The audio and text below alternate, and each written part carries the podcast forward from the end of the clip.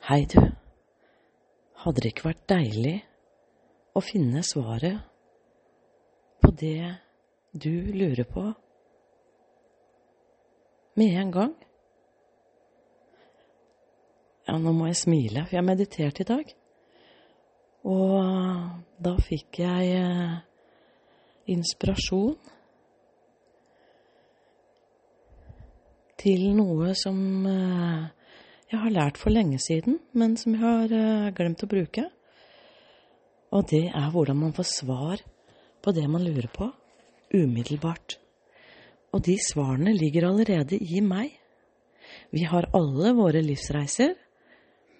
Eh, og life purpose, da, altså hva er meningen med livet? Vi har alle våre livsreiser, og alle forskjellige læring, læringer og, og, og, livserfaringer underveis som eh, Ja, jeg leser jo inn dette her eh, eh, Denne podkasten uten manuskript. Jeg lander på det at jeg mediterer først, og så leser jeg en uten manuskript. Men så kjenner jeg at jeg blir litt nervøs også. Så stotrer jeg litt. Av og til kommer det feil ord ut. Og kanskje jeg tror det er feil, men at det var riktig. Men i dag mediterte jeg.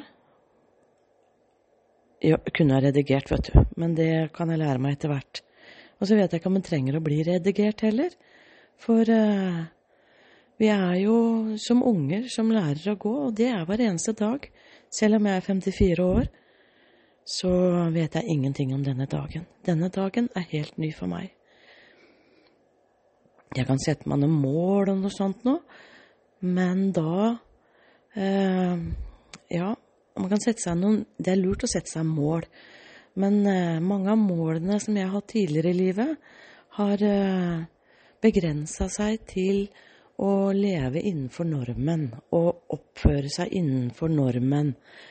Og der er det mange mange uavklarte sider. Eksempel så kaller man alternativ tenkning alternativ tenkning.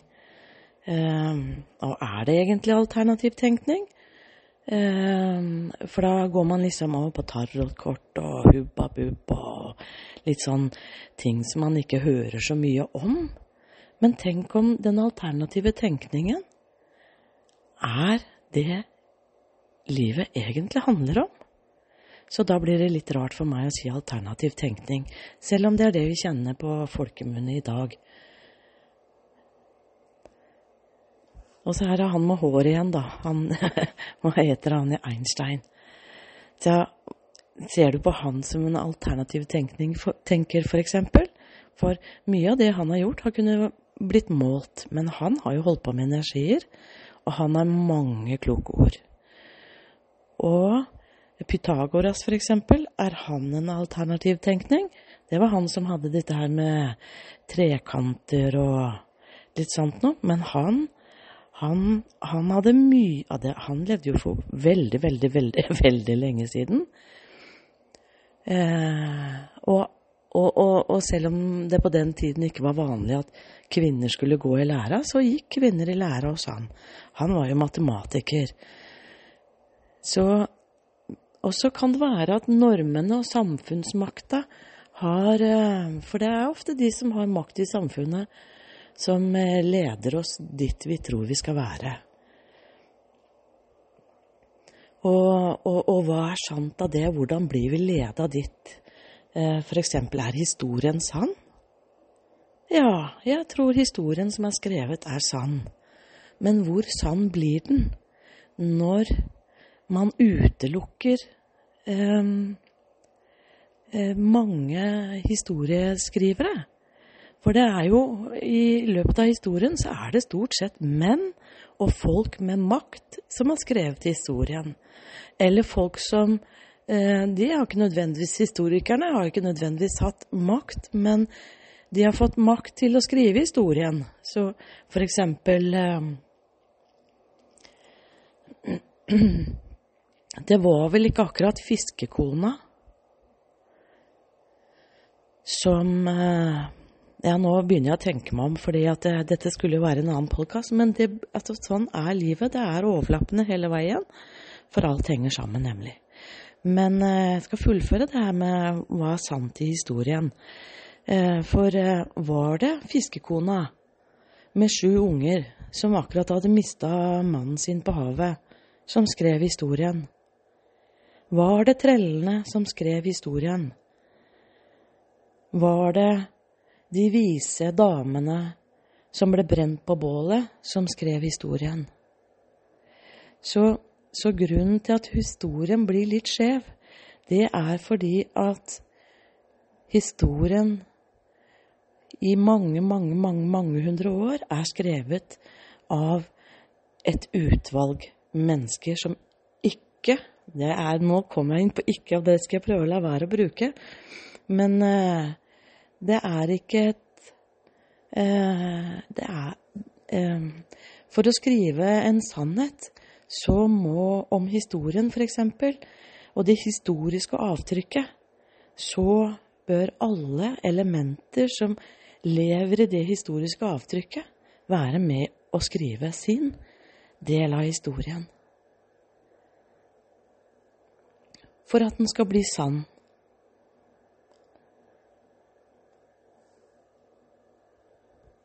Ja, nå har jeg allerede rota meg litt bort her, og det er greit, for det, det er sånn livet er. At man går en sti, og så Oi, der stoppa det opp. Og så går man tilbake, eller så tar man til høyre eller venstre. Og sånn blir disse podkastene også, visst. men, eh, men tilbake til eh, at du har sannheten inni deg akkurat nå. Og, og dette her lærte jeg for mange år siden. Jeg hadde ikke lært det da allerede, på en måte. Jeg var ca.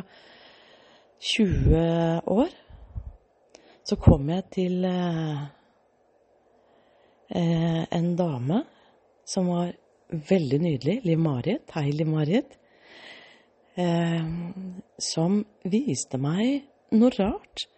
For hun, eh, hun eh, putta noen ting i hånda mi, og så ba hun meg å ta hånda rett ut. Og så Og så trykka hun lett på Se for deg at du holder hånda rett ut. Eh, jeg har faktisk prøvd å gjøre det på meg selv, for eh, jeg er jo alene. Eh, og jeg syns det funker på meg selv. Jeg har aldri fått noe dårlig svar. Vil det si Nå skal jeg prøve å være litt klar.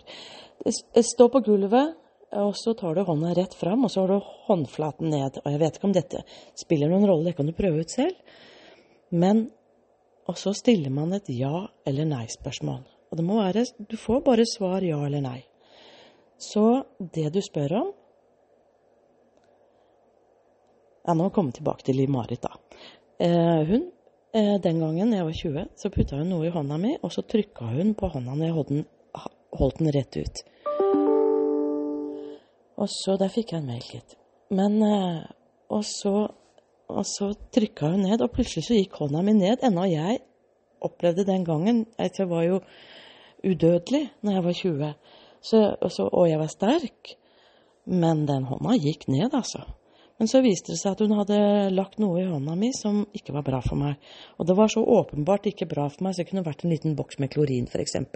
Det hørtes jo ikke bra ut, men, men var Hun la åpenbare ting i hånda mi som, eh, som var bra, eller ikke bra. Det kom ikke inn igjen, altså. Det er vanskelig. Men uansett, det skal jeg jobbe med. med. Men så det med første erfaring, og, og det der jeg ikke liksom har smakt på lenge, skjønte ikke helt det der. Og så var jeg så heldig å få Jeg får si heldig, selv om det var um, litt uheldig også. For jeg begynte jo tidlig å ha vondt i kroppen, så jeg gikk til Og da jeg var uheldig å ha vondt i kroppen, men samtidig så var det en livserfaring.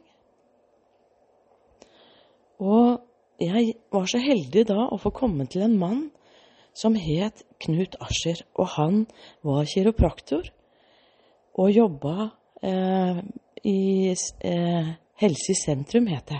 Det var i Oslo. Nydelig, nydelig, nydelig fyr. Var, jeg tror jeg var til han en, eh, en, gang i uka, litt sånn innimellom.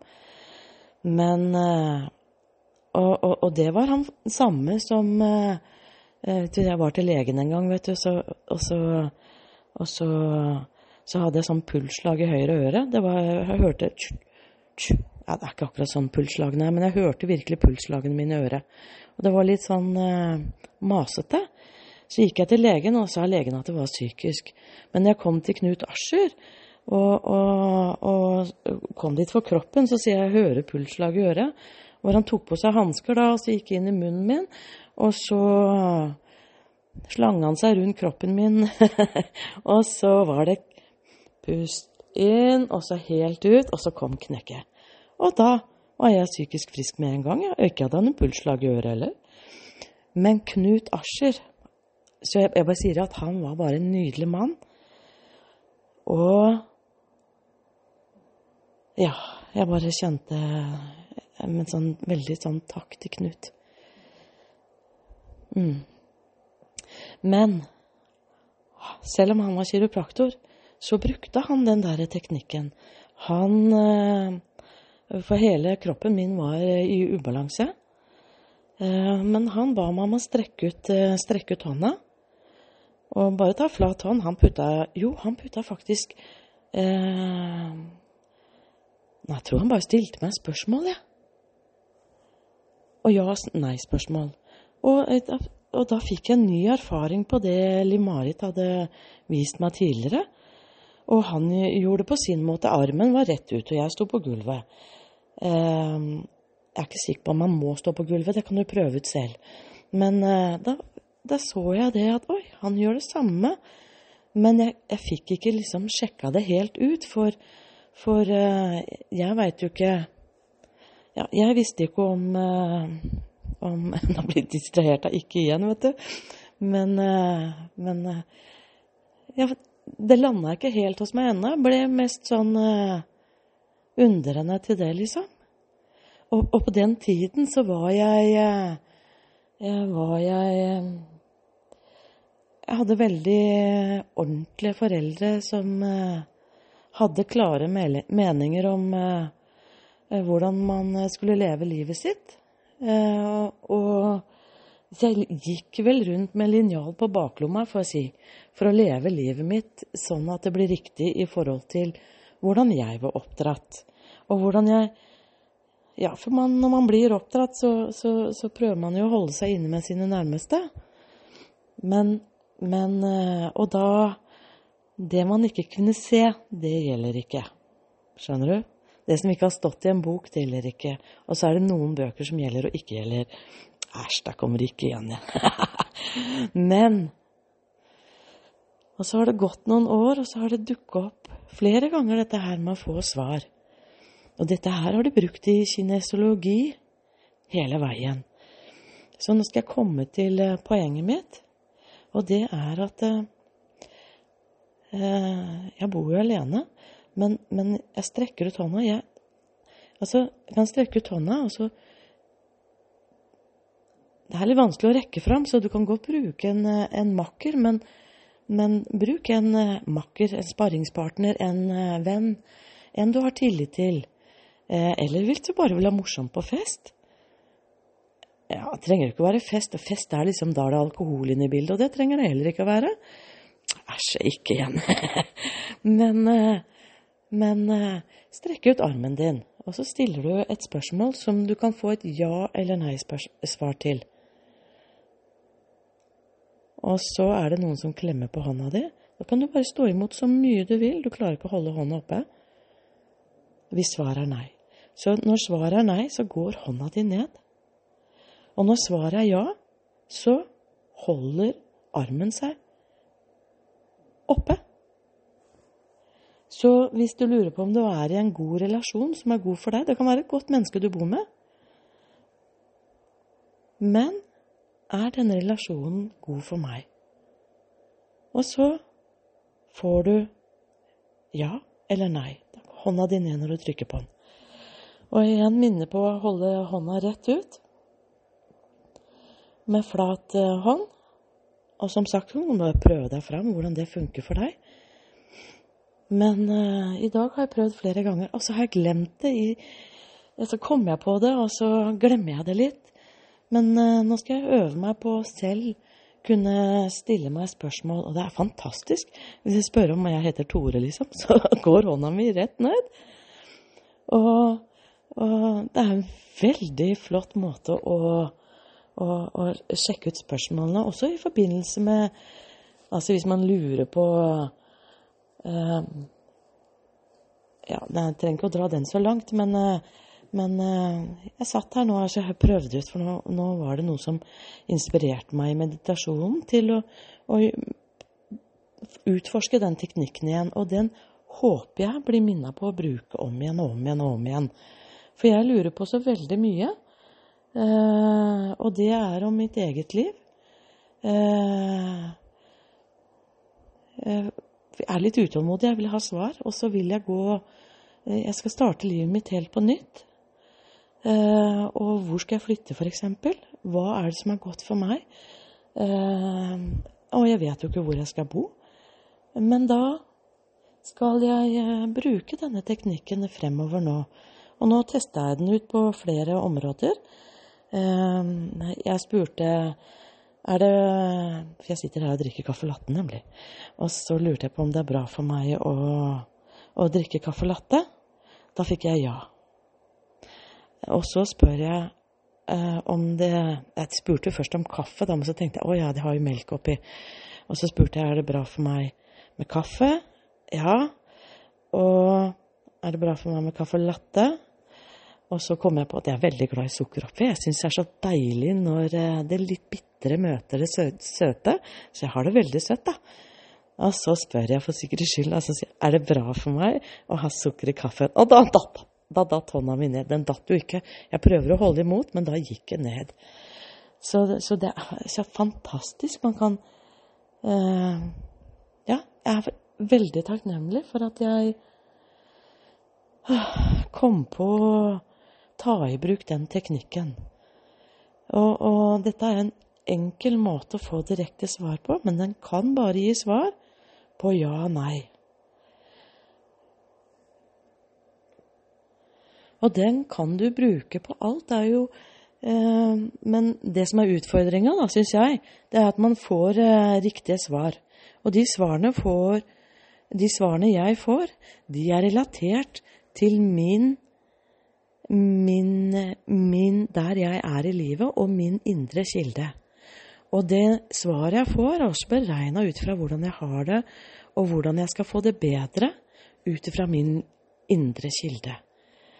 Eh, og den beregner også i forhold til hva som er eh, min life path. Og det ja, Hvordan oversetter man life path eh, til norsk, da?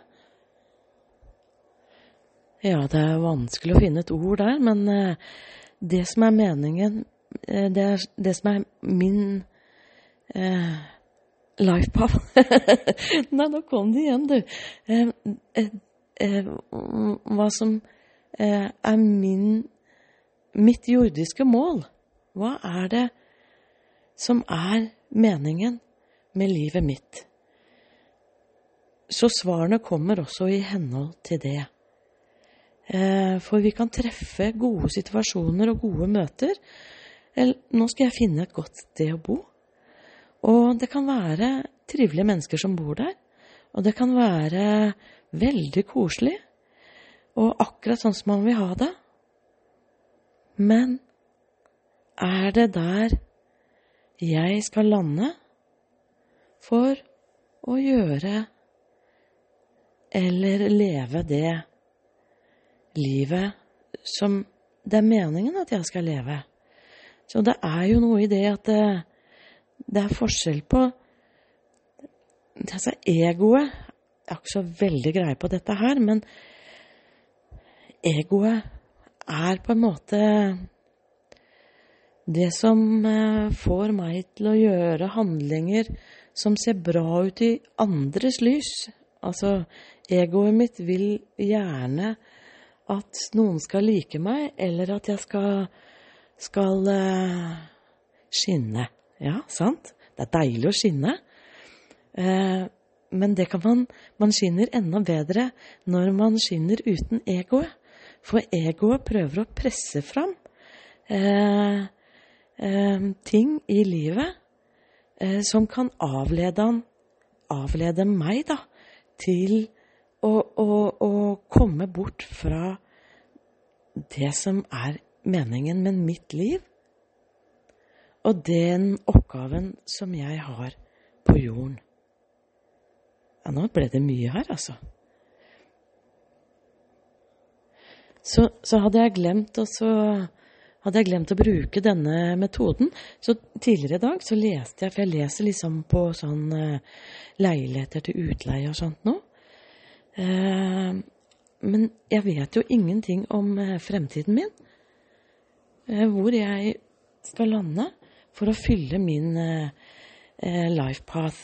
Og så ønsker jeg hele fokuset mitt nå det er å gå fra offerrollen til å forsyne meg av det som er livet mitt. For, for, nå har jeg gjort det jeg trodde var best, både for å holde meg inne med samfunn og, og, og, og folk og og så, og så, og så Og så har jeg landa feil mange ganger. Det er det er landa i det ene bålet etter det andre. Altså, nå har jeg brukt eh, jeg har åtte år på og jeg nærmest har levet i isolasjon. Jeg har kanskje levet i isolasjon nå de siste fire årene. Det har ikke noe med korona å gjøre. Men, eh, men eh, det føler meg som en sånn fugl vet, som er Oi, da fløy jeg inn i feil bål. Men jeg er jo veldig glad i mennesker. Og, og jeg jeg tenker at hvis folk oppfører seg litt dumt, så er det ikke sånn de er. Det var en dum handling. Som forrige dagen, i går faktisk, hvor jeg var kjempefrustrert. Så kan man velge å agere ut mot Charlie. Charlie, kom. Ja, kom her. Kom. Jeg har en nydelig Charlie her, som er litt sånn rastløs. Og så da står han i sofaen, og så, og så Ja, nesten som en okse. skrape med sånn. Altså, da vil han ha masse kos. Det er sånn han får oppmerksomhet, for da får han kos med en gang. Men eh, ja, livet er i bevegelse, og det skal det få lov til å være i livet mitt fremover. Men eh, jeg har jo landa i noen bål, og det har noe med den jeg har trodd jeg har vært i et helt liv. Og så tror jeg ikke Altså, den jeg har eh, levd frem fordi noen har fortalt at det bør være sånn, og du skal oppføre deg sånn og oppføre deg sånn. Og jeg er et godt menneske.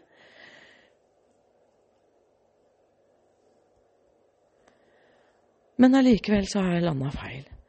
Så nå er jeg på vei ut av Jeg har vært ute av bålet lenge. Men det tar litt tid å få vokse ut nye fjær, så det har jeg gjort i, i, i mer eller mindre isolasjon nå i fire år. Og det har vært en uh, tøff tid, men jeg er så takknemlig. For jeg er nemlig en sånn, og der kommer ego inn igjen. Jeg er en sånn som uh, har uh, Hvis jeg har holdt meg litt nedfor, så har jeg dratt og hjelpa noen. Så får jeg liksom umiddelbar respons på at noen blir glad. Og når ting har Jeg har landa i et sånt bål, så har jeg løpt, eksempel. Altså jeg har faktisk fysisk løpt òg. Herregud, det er så deilig å løpe offpist med James Brown eller noe sånn. Åh, ja. Men det er en annen historie. Men det jeg skal gjøre nå, er å snu hele livet mitt. For jeg har en del livserfaring eh, som antageligvis følger Nå har jeg ikke så greie på karma ennå, men eh, Og så er det noen som sier at karma is a bitch. Og den, eh, den, det syns jeg er vanskelig å forholde meg til foreløpig. Men eh, jeg har jo vokst opp eh, hvor jeg har blitt tråkka på såpass mye i livet at, at jeg, jeg, prøver å Ja, nå kommer jeg på Unni Lindell, vet du, hun skrev en bok. Hun har skrevet mange bøker, men de første hun skrev, det var altså Hun var i barnehager, og så, og så og unger sier så mye herlig. Vi har mye å lære av ungene. Men eh, det hun gjorde, var å skrive ned i ganske mange forskjellige småbøker hva ungene i barnehagen sa. Og da kom jeg på Da var en jente eh, som var kanskje fire-fem år, kanskje seks. og hun sier Mammaen min har noe som heter nerver, hun. Hun sier at jeg går henne på nervene. Eller altså, kanskje det sto sånn Du går meg på nervene. Ennå jeg står helt stille.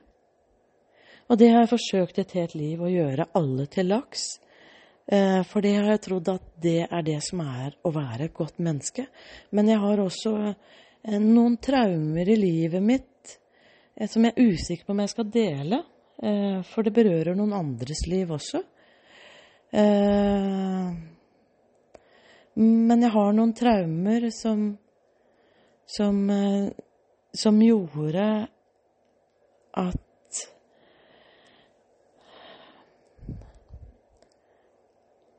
at jeg har vært redd for å blomstre. For i det øyeblikket jeg har blomstra, så har jeg blitt tråkka på. Eh, og det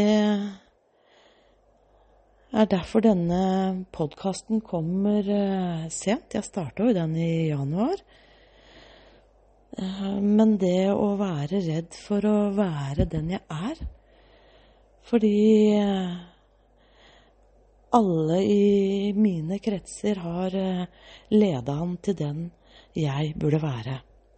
Og selv i voksen alder, men der har jeg Jeg har vokst opp med uh, nære relasjoner uh, som er narsissistiske. Og det er krevende, og det har leda livet mitt i den retningen som jeg har trodd jeg skulle gå. Men nå tar jeg tilbake livet mitt, og det er det det handler om. Så i dag Jeg har sett på mange utleieleiligheter. Eh, hvor skal jeg bo? Jeg vil bo ved havet. Sjøen. Eh, et vann. Men eh, jeg kan slice et atom med en fluesmekke, så jeg vil ha minst mulig insekter. Og jeg pleide å dra det som en spøk i gamle dager, eh, faktisk. Jeg sier gamle dager, eh, for, eh, for eh, nå har jeg veldig få venner igjen. Og det er at jeg har lagt fra meg relasjoner som eh, Som jeg har trodd har vært bra for meg, men som jeg kjenner at dette At jeg trenger andre gode relasjoner for å skape et godt liv for meg. Men i gamle dager, da, om myggen og sånn, så pleide jeg å si det at eh, du, grunnen til at jeg har så mange venner Den gangen hadde jeg mange venner. Eh, og det var gode venner altså den gangen. Men eh, ja, jeg skal komme til poenget. Men jeg pleide å si at grunnen til at jeg har mange venner, vet du Og jeg er jo veldig glad i natur, så jeg har vært veldig mye ute i naturen med venner. Men eh, da har jeg sagt at grunnen til at jeg har mange venner, vet du, det er fordi at Det er fordi at eh, myggen spiser meg. Så, så, så, no, så, når vi er på hyttetur eller sånt, da, så, spiser ikke myggen på noen andre enn meg. Ja, nå ser jeg du vil ha oppmerksomhet igjen, Charlie. Ja, nå må du vente litt. Nå har jeg en hikk, så setter jeg på en pause. Ja, men jeg har jo sett etter eh, et sted å bo nå lenge, og så har jeg ikke visst noen ting. Men, og jeg har forsøkt å selge her nå i tre år, og det er nok mange grunner til. Jeg tenker at de tre årene de har vært veldig harde. Men de har gitt meg så mange gaver underveis, og jeg er så glad for det nå. For hadde jeg klart å selge for tre år siden, så, så hadde jeg landa eh, i noe av det samme som jeg flytter fra. Og det har jeg lyst til å endre på. Så, men så leste jeg en annonse på Finn i stad, og den var så koselig, og det var så fint sted, og det var ved sjøen. Men, eh, men det var ikke bilder av alt. Det er mange som legger ut bilder på, på finn.no av utleiebolig. Og så får du ikke se utgangsdøra sånn. Og jeg, jeg, ønsker meg et sted hvor jeg kan slippe ut hundene, sånn at hundene kan løpe rundt i hagen. Og, og, altså, og, og jeg vil ha parkering ved inngangsdøra litt sånn. Jeg vil gjerne ha carport òg, jeg. men eh, det er sånn man kan fikse underveis. Men og så vil jeg jo bo ved havet. Og denne annonsen var sånn koselig. Og jeg tenker at når man skal leie et sted, så er det eh, Jeg tror det er viktig altså selv om man ikke nødvendigvis skal ha så mye med de man bor i samme hus med, så er det viktig å ha en god relasjon. Det handler ikke bare om å levere husleie til riktig tidspunkt. Nå vet jeg hvorfor Charlie stresser. Vente litt, Charlie, så skal jeg hjelpe deg. Ja. Han, han bjeffer ikke når han må ut. Eh, Siri, hun eh, gir et sånt poff eh, når hun skal ut, og så går hun til døra. Men Charlie, han blir urolig, så nå må han ut. Så da må jeg ta en pause. Ja, nå har vi vært ute en tur, så jeg, husker jeg ikke riktig hvor vi var. Hvor, jeg, hvor vi var. Ja, det kan du si. Eller jeg si. For den indre kilden, det handler om vi. Og det handler om deg i din kilde og meg i min kilde. Når jeg sier vi, så det er jo noen som vil kalle det engler. Eh, og det er sikkert noen engler. Engler har jeg ikke så greie på. Eh, men det kommer en annen podkast. Men denne her annonsen på, på finn.no som jeg leste i dag, den var altså så koselig. og, og, og nei, men det finner vi ut av, og kan, da kan vi gjøre sånn, eller Den var åpen og inviterende. Og det var før jeg mediterte. Så jeg svarte, så sa jeg takk for en fin annonse. Og jeg følte egentlig når, For jeg ble så inspirert. Jeg syntes det var en koselig, inviterende eh, eh, annonse til å, å leie en, en, annen families sfære i huset deres, da. Og det er litt sånn eh, å være ydmyk, men å stå i seg selv og sine egne gleder og sitt eget Altså få eie seg selv, men samtidig ha det godt mens de andre også har det godt. De som bor i resten av huset. Og så kjente jeg på noe, men jeg kjente jeg skulle svare likevel. Og så mediterte jeg. Og så fikk jeg inspirasjon til å, å, å gå tilbake til det jeg har vært innom før, dette her kinesiologi-greiene med å strekke ut en arm og få beskjed. Dette her tror jeg var en Nydelig plass å bo. Men det var ikke der jeg skulle bo akkurat nå. For jeg stilte de spørsmålene. Er dette riktig plass for meg å bo? Eh, og da gikk hånda mi ned. Så, så, og så er jeg litt spent, og så er jeg veldig utålmodig, for jeg gleder meg til livsreisen min. Og så er jeg så glad for at jeg fikk inspirasjon til å bruke denne metoden for å få noen klare svar Eh, for jeg føler jo litt at jeg går litt i blinde. Eh, hvor skal jeg gå? Alle gangene jeg har flytta i livet mitt, så har jeg hatt en, et mål først. Men eh, nå er det riktig for meg å flytte. Og så Og så skal jeg bruke teknikker som gjør at jeg lander i noe som er godt for meg, og som er godt for de rundt meg. Ja, det kommer en egen podkast om eh, narsissisme. Jeg vet ikke om det kommer så mye om narsissisme, for jeg ønsker å fokusere på å inspirere deg til å gjøre valg som gjør at du klarer å ha det godt i ditt liv med det som er meningen med det livet du skal gjøre. Og vet du hva? Jeg tror at meningen med livet handler om noe så enkelt som kjærlighet og glede. Og det er det jeg opplever når jeg mediterer og kommer i kontakt med min indre kilde. Der er det bare kjærlighet. Det er så deilig. Du, vet du hva, jeg har levd isolert i fire år. Og så er jeg så heldig å ha Siri og Charlie her. Men eh, Men eh, jeg blir glad i meg sjøl, jeg. Og det er så godt. Og, og, og, og, før, når jeg hadde mange venner og mye liv, og jeg var kongen på haugen i mitt eget liv, at det trodde jeg. Og helt seriøst, jeg følte at livet Nei, nå ljuger jeg lite grann, men jeg mente ikke det. Men eh, jeg trodde det var sånn livet skulle være, så gjorde jeg så godt jeg kunne mellom eh, eller i navigeringene mine. Det er jo som å, være et barn som tar et skritt, og så tar et skritt. Men, eh, men med disse teknikkene som jeg kommer til å legge ut på podkaster, f.eks., og, og gjøre for meg de tibetanske ritene og for deg er det noe annet. Men å finne ressurser i meg som eh, som gjør at narsissistene blir ubetydelige. Eh, og, og, det er jo veldig spennende når, når, når man har vært igjennom man, man, finner personer som passer inn i ja, Det har jeg ikke noe svar på, men uh,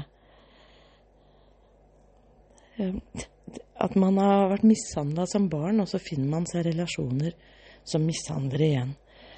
Og jeg ønsker å ha fokus på glede, og det kommer til å være mitt fokus, men med noen teknikker som jeg har lært meg disse fire årene. Uh, og før det også, men uh, jeg har jo ofte Ofte så syns jeg det har vært lettere å finne noe utenfor meg selv for å tilfredsstille et akutt behov for å føle at jeg har det bra. Men det varer jo ikke særlig lenge. Det er jo fint å ha en pen genser. Eh, det liker jeg. Jeg liker å ha en pen genser. Men av og til kan man kjøpe ting for å kjøpe bort indre uro eller andre ting. Så de teknikkene jeg har nå, eh, vil eh, Jeg satser på det. Jeg tror på det. At de teknikkene jeg er i ferd med å blomstre fram, det det vil gjøre at jeg eh, klarer å navigere imellom eh, mennesker som er i stor ubalanse i seg sjøl. Vi vil alltid være i en viss ubalanse, for det er så mye bevegelser i livet. Eh, og disse ubalansene, det er jo, det er jo bra. for vi er jo i interaksjon med hverandre, og vi virker på hverandre. Eh, og da skaper det bevegelse. Det er som å være i en båt. Og så kommer det noen eh, bølger på havet, og vi kan ikke styre det som skjer rundt oss. Men vi kan styre Vi kan styre hvordan vi vil ha det med det. Eh, så hvis vi syns det er litt mye bølger på havet, så kan vi flytte oss et sted hvor det er roligere sjø. Og så kan vi gå ut igjen når, når bølgene har stilna, eller vi kan flytte oss et helt annet sted. Og så er det dette her med relasjoner og hva som er bra. Og eh, jeg kjenner eh, Ja, nå skal jeg ta den positive varianten. Jeg må Nei, jeg vet ikke hvordan For altså, det er vanskelig å bare svisje over til bare å tenke positivt. Men målet mitt nå eh, Jeg er jo en, en kjærestejente. Eh, jeg syns det er koselig å ha folk rundt meg, og jeg syns det er koselig med de interaksjonene. Og så er det godt med nærhet. Ja, det er mye som er godt i en god relasjon. Men jeg har jo mange erfaringer fra relasjoner eh, som har gitt meg veldig mye livserfaring. Og nå ønsker jeg å bare lande i en god relasjon eh, hvor det er godt.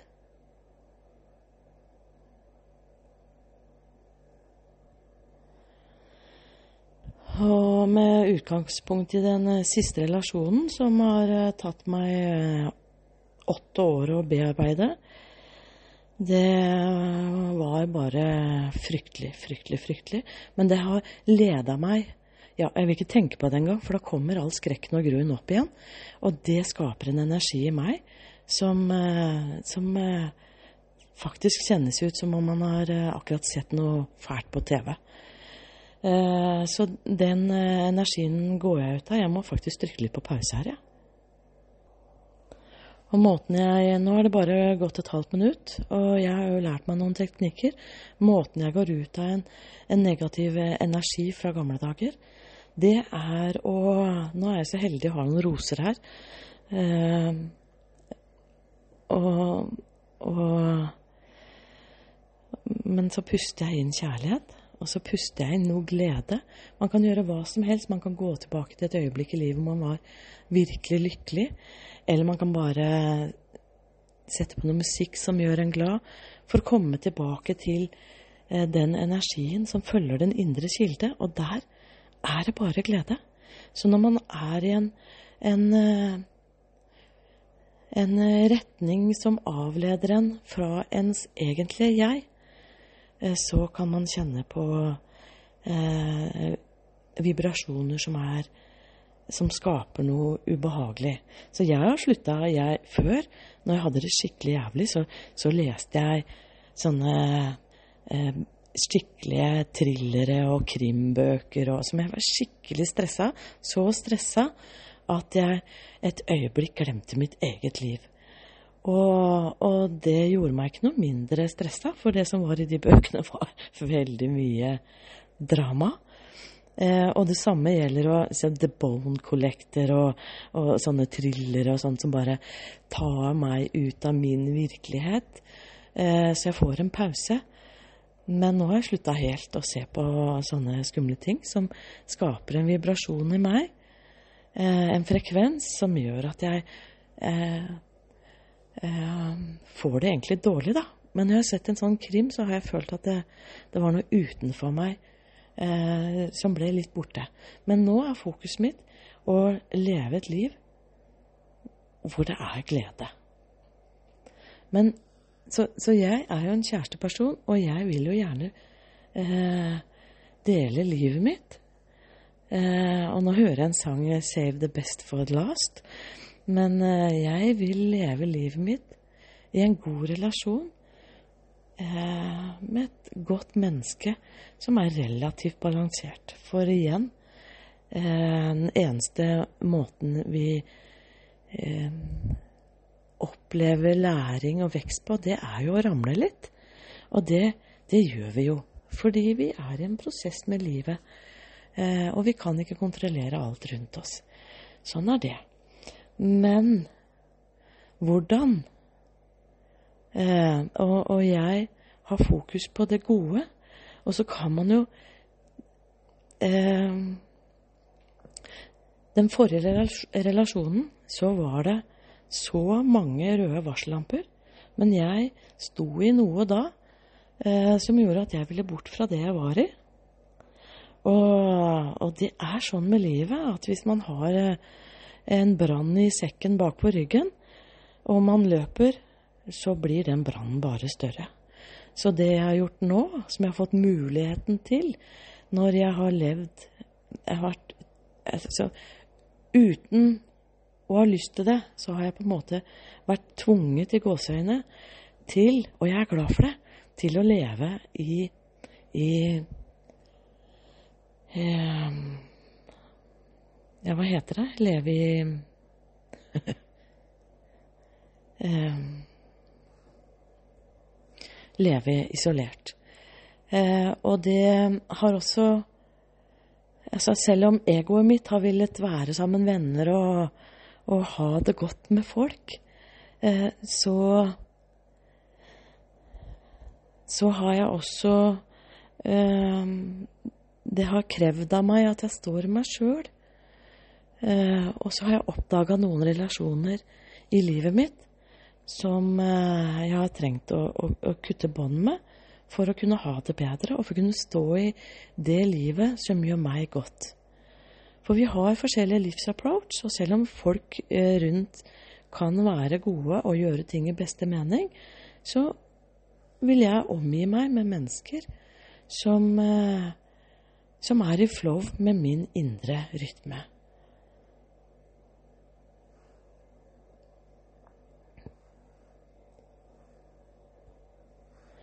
Og den eh, siste relasjonen, der var det mange røde lys som jeg valgte å overse.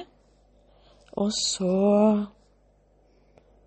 Og så jeg, kjenner jeg kommer inn på den energien. Jeg skal prøve å snakke om det Jeg skal ikke si at jeg ble lurt, men jeg ble lurt.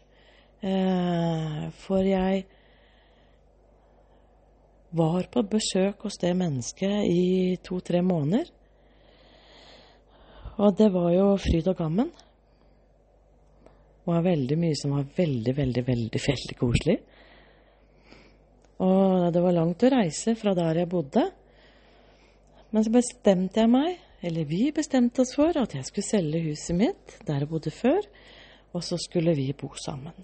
Men jo lenger jeg reiste, for dette var Dette var eh, i Nord-Norge, så det var liksom 25 timer reisevei tilbake til der jeg bodde. Så jeg fikk god tid. Nærmere jeg kom hjemme, jo mer klar over ble jeg over disse her varsellampene. Og, og, selv om denne tiden var veldig, veldig, veldig hyggelig, og selv om jeg ikke klarte å, å pinpointe hva som var ute av eh, harmoni med mitt liv Min indre kilde, må jeg si da. For eh, mitt ego og min oppvekst og mine tidligere livserfaringer eh, lurte meg inn i denne relasjonen, som fikk meg til å tenke at oi, her er det bra. Men det var jo bare basert på denne livserfaringen jeg hadde fra før. Men jo nærmere jeg kom det som var hjemmet mitt, og som jeg hadde tenkt å selge, jo nærmere kom jeg en beslutning om at dette resonnerer ikke i meg. Her eh, Jeg hørte at her var det 100 strenger på en gitar som var ustemt. Så jeg kontakta vedkommende og sa at dette er ikke et liv som jeg vil være i. Eh, dette passer ikke for meg. Jeg vil leve livet mitt annerledes. Og det var kanskje min, min eh, første gang hvor jeg sto opp i meg sjøl for jeg har nemlig vært kjæreste med folk som har hatt lyst til å være kjæreste med meg, for det har jeg syntes har vært hyggelig at noen har vært glad i meg. Det høres jo helt riv ruskende galt ut, men sånn var det altså. Men denne personen eh, Det tar altså ca. 23 timer hvis man har foten på gassen kontinuerlig å komme ned fra der denne kjæresterelasjonen til der jeg bodde. Og så mange timer etter så sto vedkommende på døra mi. Og jeg hadde, var jo veldig bestemt i meg selv. Men alt puseriet og alle godsnakken og og alt. Jeg, jeg følte meg beæra. For det første at et menneske ville kjøre så langt for å hente meg. Og som sagt, før det så var jeg i en ubalanse som jeg syntes det var vanskelig å stå i. Jeg hadde en stor sorg. Eh, på to alvorlige plan i livet mitt. Og så kommer det et menneske som jeg har sagt nei takk til, eh, og som er god nok som det mennesket er. Men det var ikke et sånt liv jeg ønska å leve. Men så kommer det mennesket inn i livet mitt og bare blomstrer meg opp. Og jeg ble blomstra og blomstra. Og jeg kom med motargumenter. Men det ble bare servert nye blomster, og jeg var jo altså Ja, jeg ble jo helt mør i hjertet mitt igjen. Selv om jeg så disse røde flaggene. Og ett av de røde flaggene hadde jeg gode argumenter eh, for. Og det, jeg sto opp i meg sjøl og sa det at min erfaring, den eh, leder meg til å kjenne at dette her kommer det ikke til å bli noe endring i. Eh, og denne relasjonen hadde eh, store issue eh, med eh, rusmidler. Og den gangen jeg dro opp ja, Nå kommer det inn meldinger. Den gangen når jeg dro opp, så hadde jeg Jeg er jo veldig kjæresteglad, men den gangen så skamma jeg meg veldig over kroppen min. Og jeg tenkte at eh, da, da, får jeg tåle, tåle tåle Da får jeg tåle Da får jeg tåle noe dritt òg. Men når jeg dro nedover, så tenkte jeg at sånt liv kan jeg ikke leve med rus. Og jeg har mye rus i min eh, oppvekstsfære, i, i mange relasjoner. Eh, og jeg har tiltrukket meg eh, mye rusproblematikk fra utsiden. Jeg har ikke noe rusproblematikk, men og det må jeg komme inn på seinere, for det er jo veldig spennende. Eh, horoskopkartet ditt, altså. Jeg bare sier det. Gled deg. Så er du litt nedfor nå og vet ikke hvor du skal starte hen. Jeg skal ta opp en podkast om, om horoskop. For der kan man der kunne jeg faktisk lese eh, at eh, en plassering i horoskopet mitt viser at jeg tiltrekker meg mye rusfolk og folk med rusproblematikk. Og det er fantastisk fascinerende. Men jeg ønska ikke å ha det innpå meg. Når jeg dro nedover, så kjente jeg nei, det der det vil jeg ikke leve med. Og så var det mange andre røde flagg. Men vedkommende da, når jeg sa at men eh, for vedkommende sier jeg skal slutte å drikke. Så sier jeg jeg ber deg ikke om å slutte å drikke. Jeg ønsker ikke å leve i en sånn relasjon. Det er det eneste jeg sier. Så du kan leve livet ditt akkurat sånn som du vil, men det passer ikke for meg. Ja, men jeg slutter, jeg. Og det visste jeg at vedkommende ville fra før, for vedkommende hadde store problemer med rus. Eh, både fysisk og psykisk, og i det hele tatt alt som følger med rus. Men så sier jeg det, vet du jeg har en hel familie som har forsøkt å slutte med rusmidler. Og det er ingen som har klart det. Og da sa vedkommende at du kan jo ikke dømme meg ut fra dine tidligere livserfaringer. og det er jo helt riktig. Den falt jeg så veldig for at det var det som gjorde at jeg gikk for det. Jeg solgte huset. Og så flytta jeg inn i et mareritt. Så nå skal jeg huske å bruke denne her teknikken med å holde ut hånda og stille spørsmål hele tiden. Og stole på de spørsmålene, for den hånda du tar ut, og når du trykker på den, får du nei når den går ned, og så er det ja når hånda di er sterk. At det, at er bare Jeg kunne si at, at, jeg ikke har brukt det før, men eh, det kan man jo si hvis man eh, kunne ha så mye livserfaring som barn når man tar et skritt, og så, og så, og så bruker man kroppen sånn, eh, og, så, og så ramler man. Og det er jo livserfaring, og vi trenger den livserfaringen eh, vi skal for å gjøre det som er vår livsoppgave nå. Og nå syns jeg at eh, jeg har samla en nok livserfaring eh, til å ha det godt resten av livet mitt. Det er målet mitt. Det er ønsket mitt. Og jeg gleder meg over å lande et godt sted. Og jeg er veldig glad i å reise òg, altså. Så ett sted, eh, det er relativt. Men jeg vil lande i noe trygt jeg liker å ha trygge rammer rundt meg, men jeg liker å være i bevegelse. Men eh, nå kan jeg bare spørre meg selv. Nå kjenner jeg at jeg har masse vibrasjoner i kroppen min, så nå skal jeg avrunde denne podkasten fordi jeg vil eh, undersøke disse denne beskjeden jeg får fra min indre kilde. Jeg kjenner at hele kroppen min vibrerer. Det kan bare trykke på pause, så kan jeg se om jeg kommer tilbake til podkasten. Og blir dette avslutningen, så ønsker jeg å si takk for følget. Se deg i speilet i dag, og vær glad i deg sjøl. Se i speilet og tenk at du har overlevd.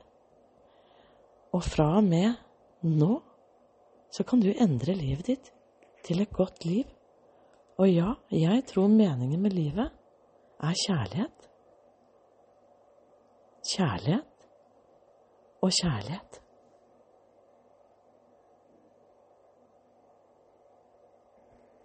Ja, nå har jeg så vidt vært innom en bitte liten eh, tur i kilden min. Og, og da var det visst noe mer jeg skulle si. Og det er at den eh, relasjonen jeg flytta med for ca. åtte år siden, ah, den skapte veldig mye lærdom i livet mitt. Men den har også skapt en veldig fin forløsning til mitt nye liv. Fordi jeg har sittet fast. Jeg er som å Jeg skal ikke gå inn på det, men det min indre kilde sier, og det er jo en fin påminnelse, og det, altså den sier at jeg skulle legge ut det i denne podkasten, og det er at eh, den energien jeg var i for åtte år siden, det, den vibrasjonen som jeg sendte ut, det tiltrekker lignende vibrasjoner. Det er helt fantastisk. Og det er en gjennomgang i min eh, podkast. Frekvens, vibrasjoner. Og, og alle mennesker har sin eh, læringsprosess på jorden. Og så er vi deler av hverandres læringsprosesser. Og nå frigjør jeg meg til eh, den eh, Og den, jeg gleder meg til denne prosessen her, for den handler om å Den handler om den indre kilden, og om å leve i kjærlighet. Og min frekvens er helt annerledes. Og det har jeg klart å jobbe meg gjennom, for jeg var jo veldig bitter. Jeg følte meg jo lurt oppe her. Jeg forsto ikke. Var, og jeg var jo rett inn i den gamle runddansen av uh, helvete som jeg har vokst opp med. Så nå har jeg lært, og jeg tiltrakk meg den. Jeg tror det at uh, det Altså hvis man setter opp en musefelle, da Ja, det hørtes dumt ut, men hvis man gjør en ting, og så tråkker man i kuruke, da, og så gjør man den samme tingen om igjen og om igjen eh, Den samme tingen Vet du hva? En ting som betegner galskap, og det skal jeg legge inn i en annen podkast, for det med galskap er jo fascinerende ut ifra hvordan man ser på hva, hva er det man eh, regner som å være gal. Jo, det er som følger når man gjør den samme handlingen om igjen og om igjen og om igjen, og forventer å få den samme en annen konsekvens, da er det galskap. Og det er jo det jeg har gjort. Og det tror jeg er eh, læring på jorden. Eh, min eh, skole i mitt liv nå, det er å lære av noe. Og så har jo egoet mitt, og det jeg trodde har vært riktig rent logisk sett, det har ført meg inn i den samme runddansen om igjen og om igjen. Men nå har jeg vært så heldig å få lære om den indre kilden. Eh, umiddelbart så kjenner jeg at jeg har lyst til å takke Märtha og Elisabeth. For jeg har jo lest Engelboka. Og det var eh, Det kommer i en annen podkast, men jeg hadde lyst til å si takk akkurat nå, for det kom det inn.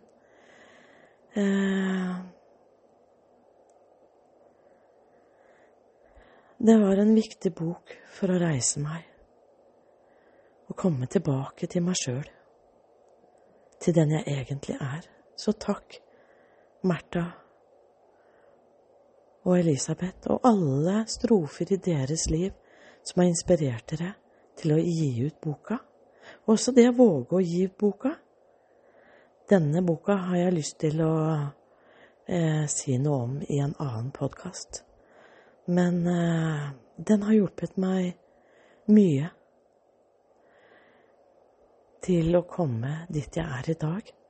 Og så er jeg litt spent, sånn som en unge, vet du. Som, du, i dag våkna jeg for første gang på mange år til en sånn fred, en sånn salighet som kommer akkurat når det er nysnø. Det har snødd her i dag. Men når det er sol samtidig, og det er helt stille ute, så fikk jeg en sånn derre Det skulle vært fire år i romjul, og kjente jente som var nesten fem.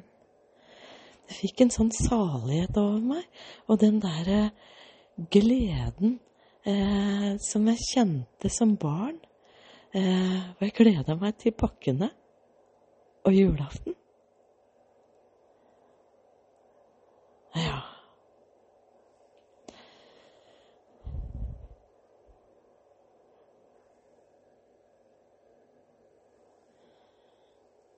Og Einstein sier mye om disse frekvensene.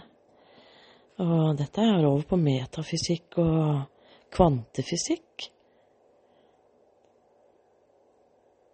At like energier tiltrekker hverandre. Det er litt som eh, det, Nå forenkler jeg det veldig, altså, det er litt som eh, eh disse her Brio-togene, vet du, magnet på, den, på hver sin side.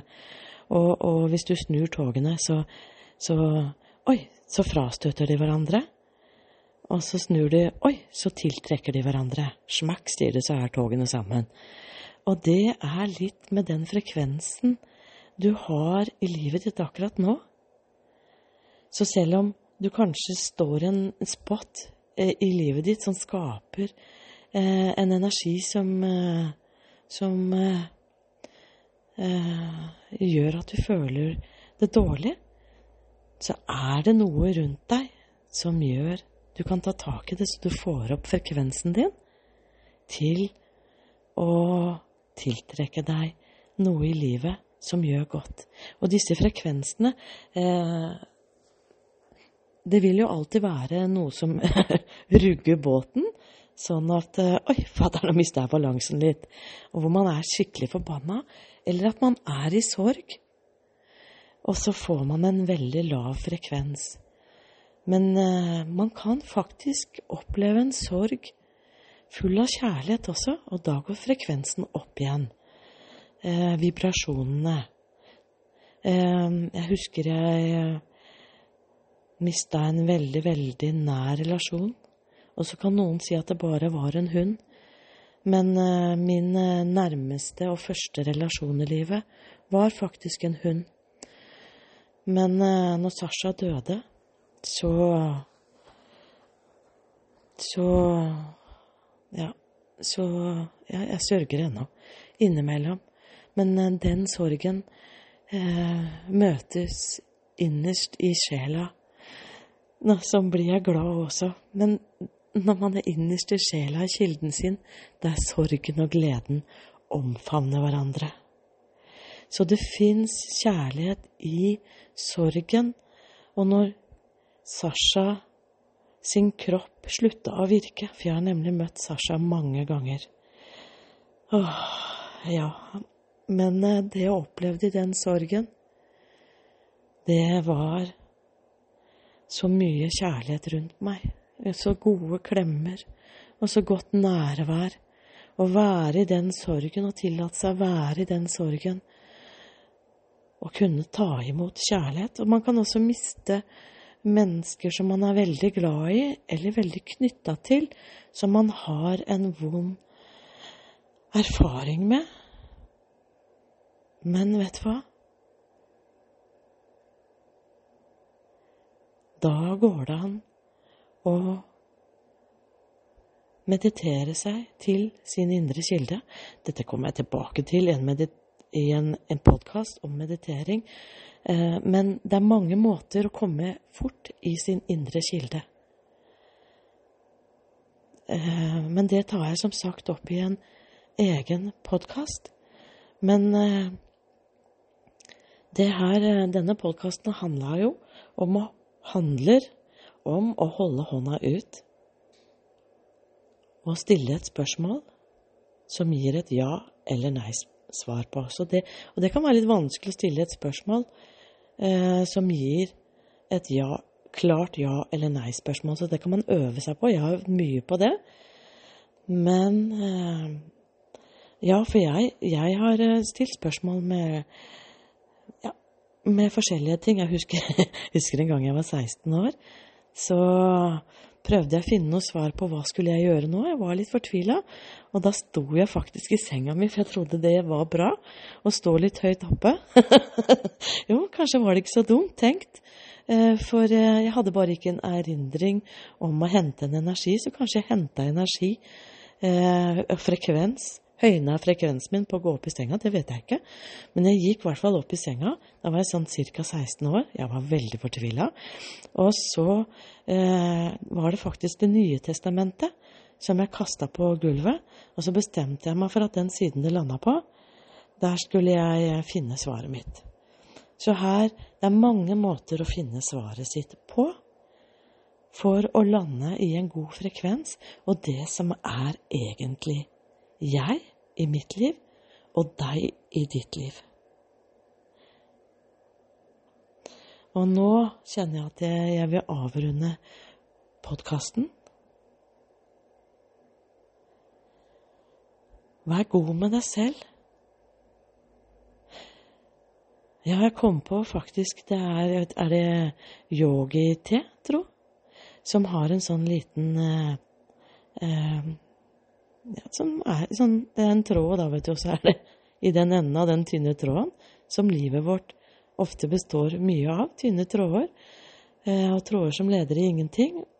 Men nå går jeg ikke inn på det. Men i enden der så står det et sånt visdomsord, og det er et som følger meg hele tiden, og som kom opp nå. Have compassion with yourself and others. Vi er alle mennesker på våre egne livsreiser. Og vi gjør ofte i vår livserfaring valg som gjør at vi ramler og slår oss. Og jeg er jo veldig glad i å gå på rollerblades. Og, og jeg har slått meg litt. på både psykisk og fysisk gjennom livet. Eh,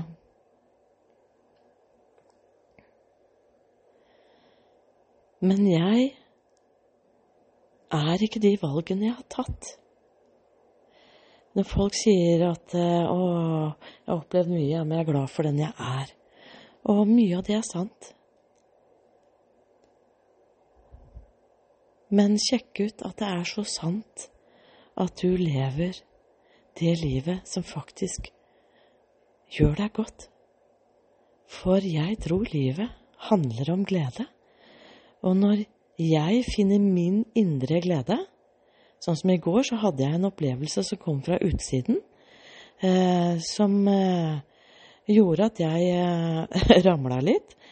Eh, men det jeg velger å gjøre, jeg kan velge å reagere på noe som reagerer på meg. Og den handlingen som ble gjort, som jeg opplevde ble gjort som jeg følte gjorde at jeg snubla, den handlingen har ikke noe med meg å gjøre. Det var energetisk tiltrekningspunkt. Og så er det av og til eh, noen gjør noen handlinger som eh, tipper en annen over ende. Men det jeg valgte, det var å meditere. Og som jeg har sagt i en annen podkast, jeg måtte faktisk ha litt hjelp til den meditasjonen, for jeg var så opprørt. Men eh, så, så da valgte jeg en meditasjon Jeg har lett etter mange Eller jeg har ikke lett etter, men jeg har funnet mange gode eh, meditasjoner. og for øyeblikket så er det Jess Shepherd som resonnerer mye med det livet jeg ønsker å leve videre.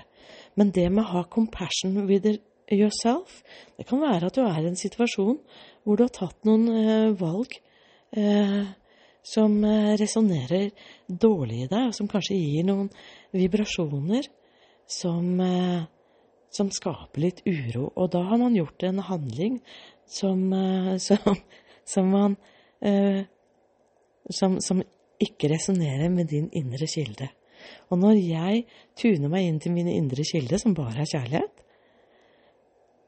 så kan jeg forandre verden. Og det er ikke målet mitt. Målet mitt er nå først og fremst å ha det godt.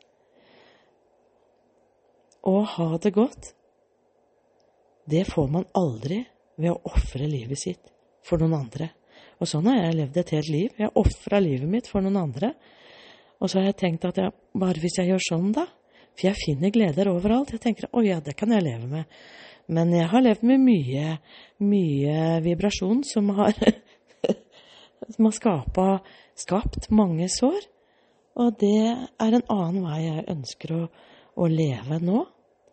Eh, og når jeg finner min indre balanse hver gang jeg blir knuffa i, så går jeg inn i min indre kilde, og der er det bare deilig kjærlighet. Og når alle mennesker lærer seg det, så blir det bra å leve på jorda. Nå hørtes jeg nesten litt sånn religiøs ut. Og det sa jeg i gamle dager, at jeg er ikke kristen, men jeg er religiøs. Men jeg vet ikke engang om jeg er religiøs lenger. Eller kanskje jeg er det.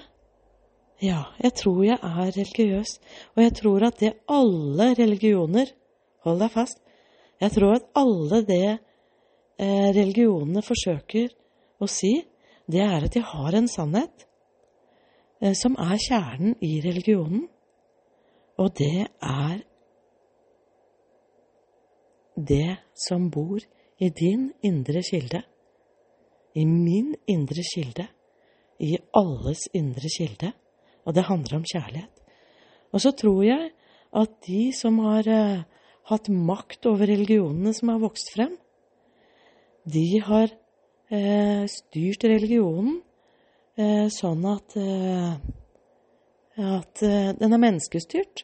Og så lander man i å formidle noe som er sant, den indre kilden, og så legger man på en del menneskelige faktorer som gjør at religionen blir styrt for å holde folk innunder sin religion. Eh, men det alle religionene søker å styre mot, det er ett felles punkt, og det er den indre kilde, tror jeg. Så da er jeg kanskje litt religiøs. Jeg må slå opp det ordet, ja, tror jeg. Men i dag nå er jeg klar til å avrunde denne podkasten, som handler om altså å strekke ut hånda. Jeg liker å stå oppreist med beina litt fra hverandre, for det handler om å få jording òg. Men jeg holder hånda rett ut. Og hvis jeg er i ferd med å ta en avgjørelse, eller jeg vil sjekke er dette en god relasjon for meg, skal jeg flytte hit, så trykker jeg på hånda. Jeg må bare stille ett spørsmål, da. For jeg vil bare ha ja- eller nei-svar. Når jeg strekker ut hånda, og så spør jeg meg selv er dette en god podkast. Ja, skal jeg jammen prøve. Skal jeg legge ut denne podkasten? Nå måtte jeg legge fra meg mobilen. Skal jeg legge ut denne podkasten, og så trykker jeg på armen min, og så sier han nei. er dette en god podkast? Da sier han ja. Skal jeg legge ut denne podkasten? Ja, nå sitter jeg med beina i kors. Jeg får nei, skjønner du, på å legge ut podkasten. Men er denne podkasten bra, så får jeg ja. Er denne podkasten bra? Da får jeg ja. Kommer jeg til å legge ut denne podkasten? Da får jeg nei. Bør jeg legge ut denne podkasten uavhengig av hva egoet mitt sier? da får jeg et sterkt ja. Så jeg avrunder denne podkasten med, med denne øvelsen. Og du, du er god nok som du er. Og tenk deg det at et barn som lærer seg å gå Vi har compassion med det barnet, selv om de reiser seg opp for første gangen og kanskje river ned duken. Og alt går i gulvet, så får vi bare være glad for at det gikk bra. Men det er sånn livet er. Av og til så river vi ned duken, men vi har mulighet til å gjøre det neste valget vårt godt. Og det kan vi gjøre akkurat nå. Vi kan endre livet vårt til det bedre akkurat nå. Så den handlingen du gjorde som kanskje tippa lasset ditt eller knuffa i noen andre, da går det an å si unnskyld. Og så går man videre derfra. For det som var i går, og det som var i stad, kan du ikke gjøre noen ting med. Du kan gjøre noe med det som er foran deg. Og det er bare øyeblikket som kan skape fremtiden. Så se deg i speilet, og vær glad for at du har overlevd hittil. Vær glad for de vandringene du har gjort. Og så har du muligheten nå til å se hva du har lyst til å gjøre annerledes for å gjøre livet ditt bedre. Og har jeg lyst, jeg kjenner at jeg har lyst til å minne deg på å ofre seg for noen andre, det gjør ikke livet ditt eller de andres liv noe bedre. Vi kan bare leve et godt liv ut fra den indre kilden. Ja, det er mange som lever gode liv utenfor eh, den indre kilden. Noen er ikke klar over at de lever ifra sitt, eh, sin indre kilde. Ehm, jeg skrev faktisk Ja, det skal jeg ikke gå i Jo, jeg går inn på det. Jeg må se om jeg har nok tid. Ja, det har jeg. Jeg eh, liker jo å skrive. Og det har jeg gjort i mange, mange, mange, mange år. Og nå blir jeg litt ukonsentrert, for Charlie han eh, ypper litt. Jeg tror han har lyst på litt godteri. Eh, eller så merker han noe i energien min. Det kan også være. Men jeg skrev altså en historie om Tiril og Liv. Eh, og jeg likte å skrive, men jeg, jeg syns ikke jeg kunne skrive. Så tenkte jeg at novelle, det kan jeg jo skrive. Så begynte jeg å skrive noen noveller, og så vokste det fram to karakterer. Og det er Liv og Tiril. Og, og så, så, ble det så mange noveller at jeg tenkte at oi, dette kan bli en bok. Men eh, fra mitt eh, Fra min eh, livserfaring den gangen, i det øyeblikket jeg tenkte at gud, dette kan bli en bok, så ble jeg redd, og så fikk jeg skrivesperre. Jeg hadde skrivesperre i mange, mange, mange år. Eh, og der ligger det jo mye spennende å ta tak i hvorfor jeg fikk skrivesperre. Men det handla i hvert fall rett og slett om at eh, Og det visste jeg ikke den gangen. Eh, om at hvis jeg blomstrer, så er det noen som kan trampe på meg. Ja, Charlie snakker. Ja, du er flink å snakke du, Charlie. Jeg kommer tilbake til deg, Charlie. Du må vente litt. Kom her og kose litt så lenge, du. Ja, kom. Kom. Men men i hvert fall så, så hadde jeg plottet klart. Nei, nå er det nok. Gå ned. Nei. Flink gutt. Kom igjen, gå ned. Bra. Kan komme opp her. Han er helt vill. Ja, jeg velger å ikke droppe denne podkasten eller stoppe den. For jeg tenker at, uh, at, han må høre på meg nå. Uh, og så Men i hvert fall, hvert fall Ja, det jeg gjør, er å stå frem med den jeg er, og så være i en stressende situasjon. For han stresser meg litt, for jeg vil jo at denne podkasten skal bli bra. Men det altså være i det jeg er i, og klare å navigere selv om jeg blir litt nervøs, og vil gjerne presentere denne podkasten bra. Men hva er bra? Sant? Det handler jo om hvordan det resonnerer i deg. Du er fin gutt, du, Charlie. Jeg elsker deg. Jeg elsker deg, Siri. Og nå sitter Charlie på fanget mitt her. Du fin gutt. Ja. Så, så nå, nå tillot jeg meg selv å være i den situasjonen jeg var i, uten å bruke egoet mitt til å styre den. Og så landa det jo godt og bra allikevel. Du fin, du, Kjærlig. Klø litt i øret. Men Tiril og Liv Jeg skrev jo så mange noveller at når jeg kjente det ble kunne, Oi, det kan bli bok. Og så Men da var det egoet mitt og mine tidligere traumer som tok over. Men i hvert fall, jeg må fortelle om et kapittel jeg skrev i den boka. Eh, om jeg sa jo det at folk som Man kan godt leve i den indre kilden uten å vite om det. Eh, jeg tror jo Olav Thon gjør det. Det er mange mennesker som gjør det. Mange gode eksempler. Eh, Einstein, han gjorde det. Det er mange mennesker som lever ut ifra sin indre kilde uten å være klar over det. Eh, men Og her kommer et eksempel på når jeg ikke var klar over at jeg levde i den indre kilden. For Liv og Tiril, nemlig. Jeg skrev jo mange kapitler. Eh, altså det vil si, jeg skrev mange noveller. Og så tenkte jeg oi, hvis jeg syr sammen de her kapitlene lite grann, så kan det bli bok, ja. Men i hvert fall eh, så skriver jeg et kapittel, og jeg hadde plottet klart. Jeg hadde plottet klart. Og fra det foregående Du skjønner at når jeg skrev disse tingene, så, så skrev jeg bare ut ifra det som antageligvis var min indre kilde. Jeg hadde lyst til å spille bordtennis, og så skrev jeg et kapittel om bordtennis.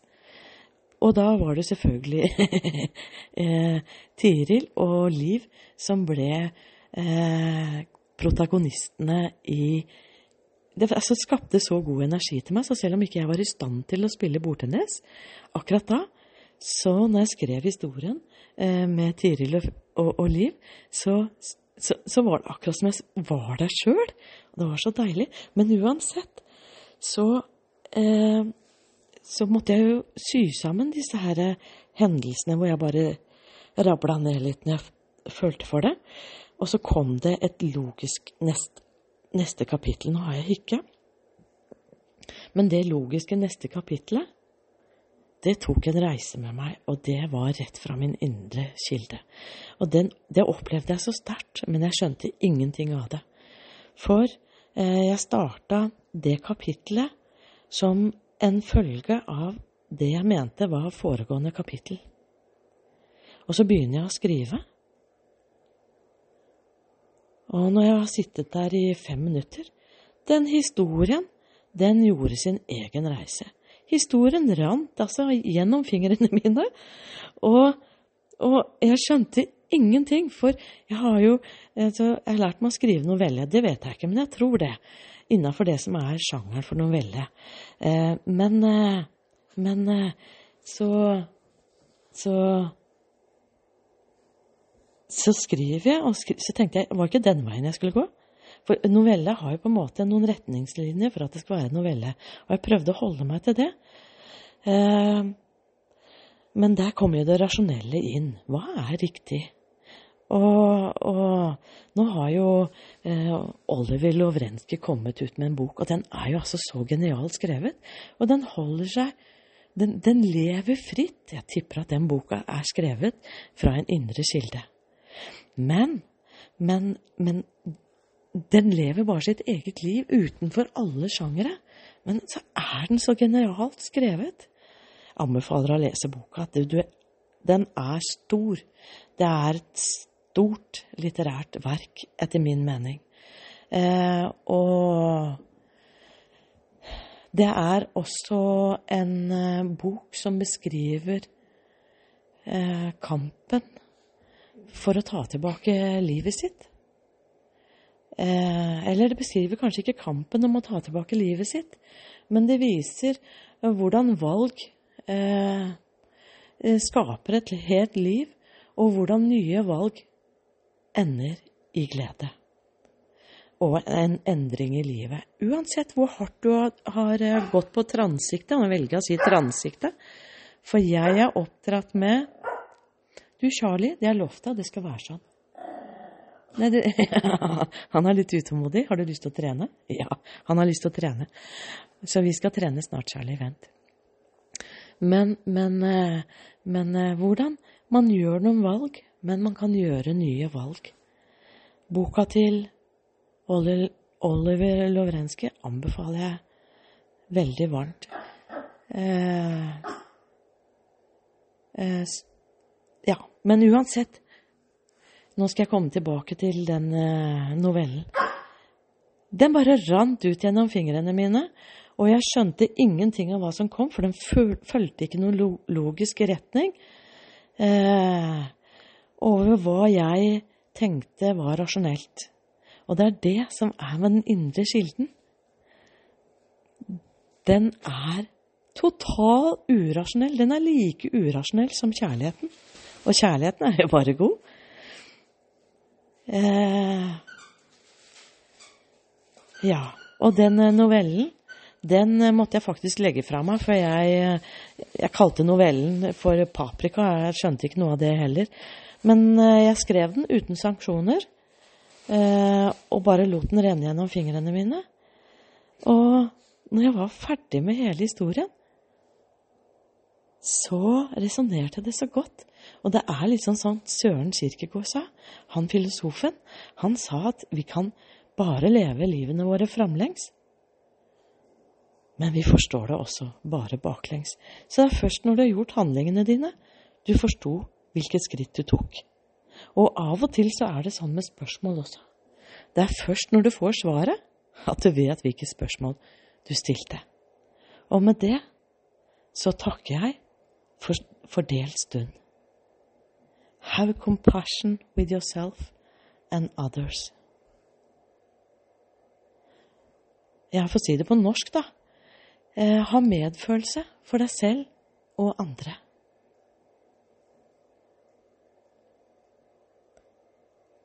Lev, elsk og nyt.